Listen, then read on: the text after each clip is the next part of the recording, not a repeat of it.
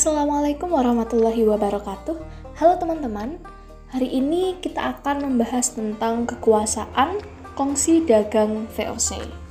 Pembahasan kita hari ini akan mencakup tentang latar belakang dibentuknya VOC, kemudian gimana sih dibentuknya VOC, selanjutnya adalah perkembangan VOC, dan yang terakhir pemunduran VOC. Kita mulai pembahasan VOC dengan fun fact dulu ya teman-teman. Jadi, VOC atau Verenigde Oost-Indische Company atau Kongsi Dagang Hindia Timur merupakan perusahaan multinasional pertama di dunia. Si VOC ini memiliki kekayaan yang sangat besar dalam sejarah dan jika dibandingkan sama perusahaan yang terkenal yaitu Apple, Google, atau perusahaan mana pun di seluruh dunia, VOC ini memiliki nilai kekayaan yang jauh lebih tinggi. Ada yang penasaran nggak berapa sih kekayaan VOC? Kok bisa sampai melampaui Apple gitu ya? Jadi teman-teman, kekayaan VOC itu sebesar 7,9 triliun USD atau setara dengan 114 triliun rupiah.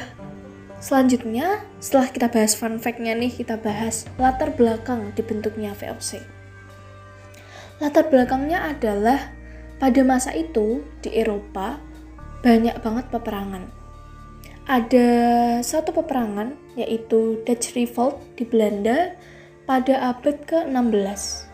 Dan adanya Dutch Revolt tadi membuat para pedagang perlu untuk mencari rempah-rempah dan pusat perdagangan di timur. Rempah-rempah seperti lada, pala itu kan pada saat itu menjadi barang primadona yang memiliki nilai jual yang sangat tinggi ya teman-teman.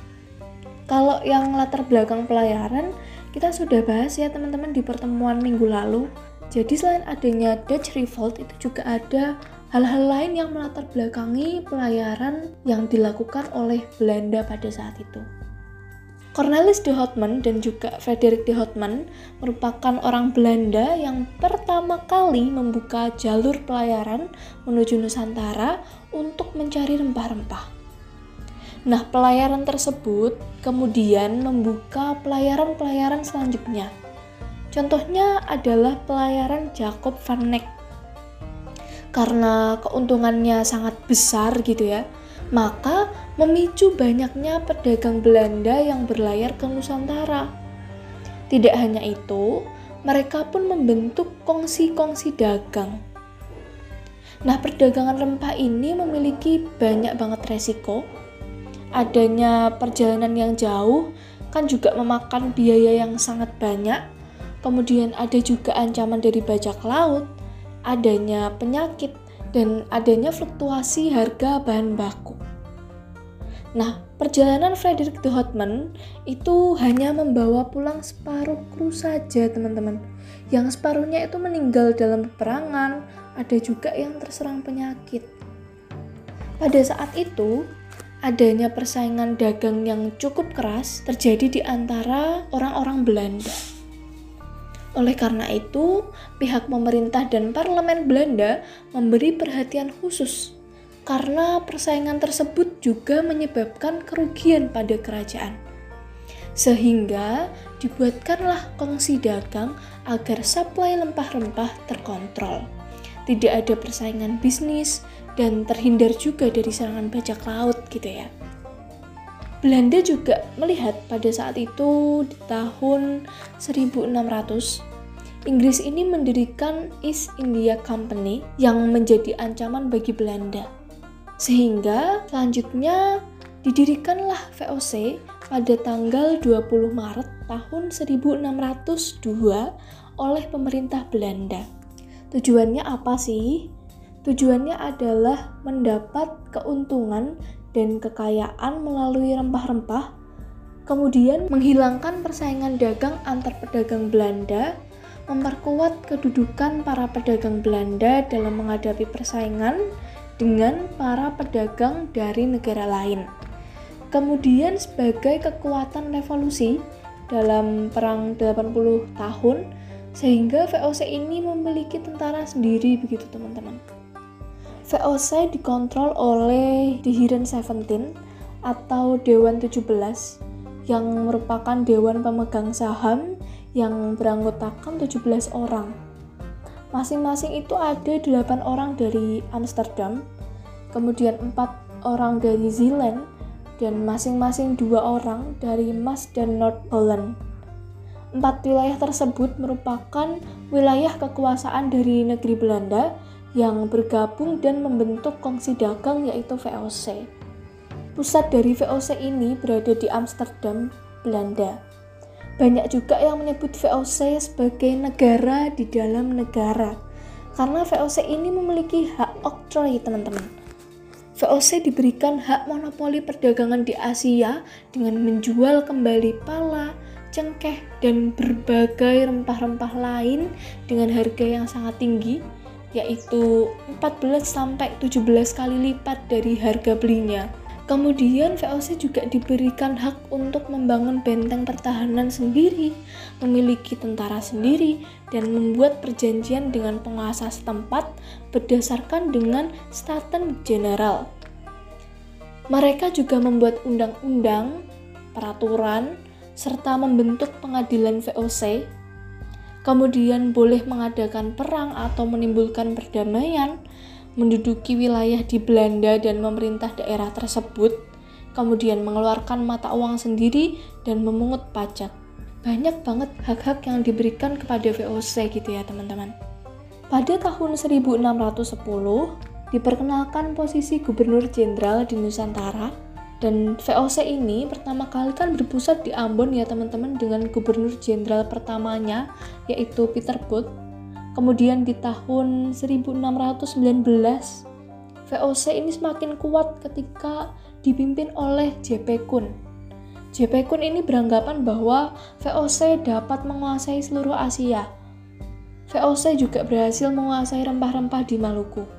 VOC kemudian memindahkan kekuasaannya dari Ambon ke Jayakarta sebagai strategi untuk menguasai Malaka yang pada saat itu masih dikuasai oleh Portugis. Nah, pada masa itu, Jayakarta kan direbut dari Kesultanan Banten, kemudian namanya diubah menjadi Batavia. Kemudian Batavia didirikan sebagai pusat pemerintahan VOC. Pada tahun 1620, hampir seluruh tanaman di Banda digantikan dengan pala dan cengkeh untuk kebutuhan ekspor, sehingga kekayaan VOC ini bertambah dengan pesat berkali-kali lipat seperti itu. Kemudian di tahun 1669, VOC menjadi perusahaan yang sangat kaya dalam sejarah. Jalur perdagangannya tersebar luas dan keuntungannya melimpah, teman-teman. VOC juga berhasil menguasai kerajaan-kerajaan di Nusantara. Akan tetapi, seiring dengan keuntungan VOC yang melimpah, pengelolaannya juga semakin kompleks ya teman-teman. Hingga VOC mengalami kemunduran menjelang akhir abad ke-18.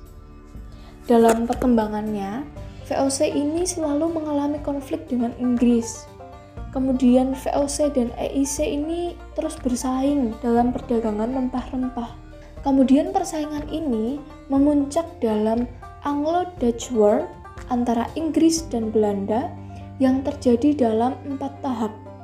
Dan pada perang ini, VOC berhasil diblokade. Kemudian dana yang harus ditanggung akibat peperangan sangat besar, teman-teman.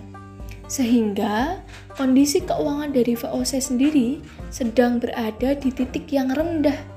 Hal tersebut merupakan beban paling berat yang ditanggung oleh VOC, bahkan keuangan VOC tidak dapat bangkit lagi sejak saat itu, sehingga VOC ini mengalami krisis finansial. Ada hal lain yang mengakibatkan kemunduran VOC, yaitu karena adanya perubahan peta politik dan ekonomi kemudian tingginya kematian para pekerja, adanya korupsi besar-besaran, kebijakan dividen yang membebani perusahaan, kemudian banyaknya peperangan melawan pemerintah lokal yang memakan biaya yang sangat besar pula. Jadi sejak menguasai perdagangan di Indonesia, VOC ini terus-menerus menghadapi perlawanan dari rakyat. baik perlawanan yang dilakukan oleh Sultan Agung dari Mataram, kemudian Sultan Hasanuddin dari Makassar, adanya perlawanan juga dari Sultan Agung dari Banten, Untung Suropati, Tronojoyo, Raden Mas Said, dan juga Pangeran Mangkubumi. Perlawanan-perlawanan tersebut mempengaruhi ekonomi dari VOC, teman-teman. Kemudian penyebab kemunduran selanjutnya adalah ongkos untuk membayar pegawai non-inlander tidak murah. Kalau inlander itu pribumi, jadi kalau non-inlander itu berarti yang bukan pribumi begitu ya teman-teman. Adanya saingan dagang yang bertambah dan juga adanya upaya invasi juga menyebabkan kemunduran dari VOC. Sehingga VOC ini bubar pada tanggal 31 Desember tahun 1799 dengan utang sebesar 136,7 juta gulden yang dibebankan kepada pemerintah Belanda. Gimana teman-teman? Ada yang masih bingung? Kita bahas di channel diskusi ya.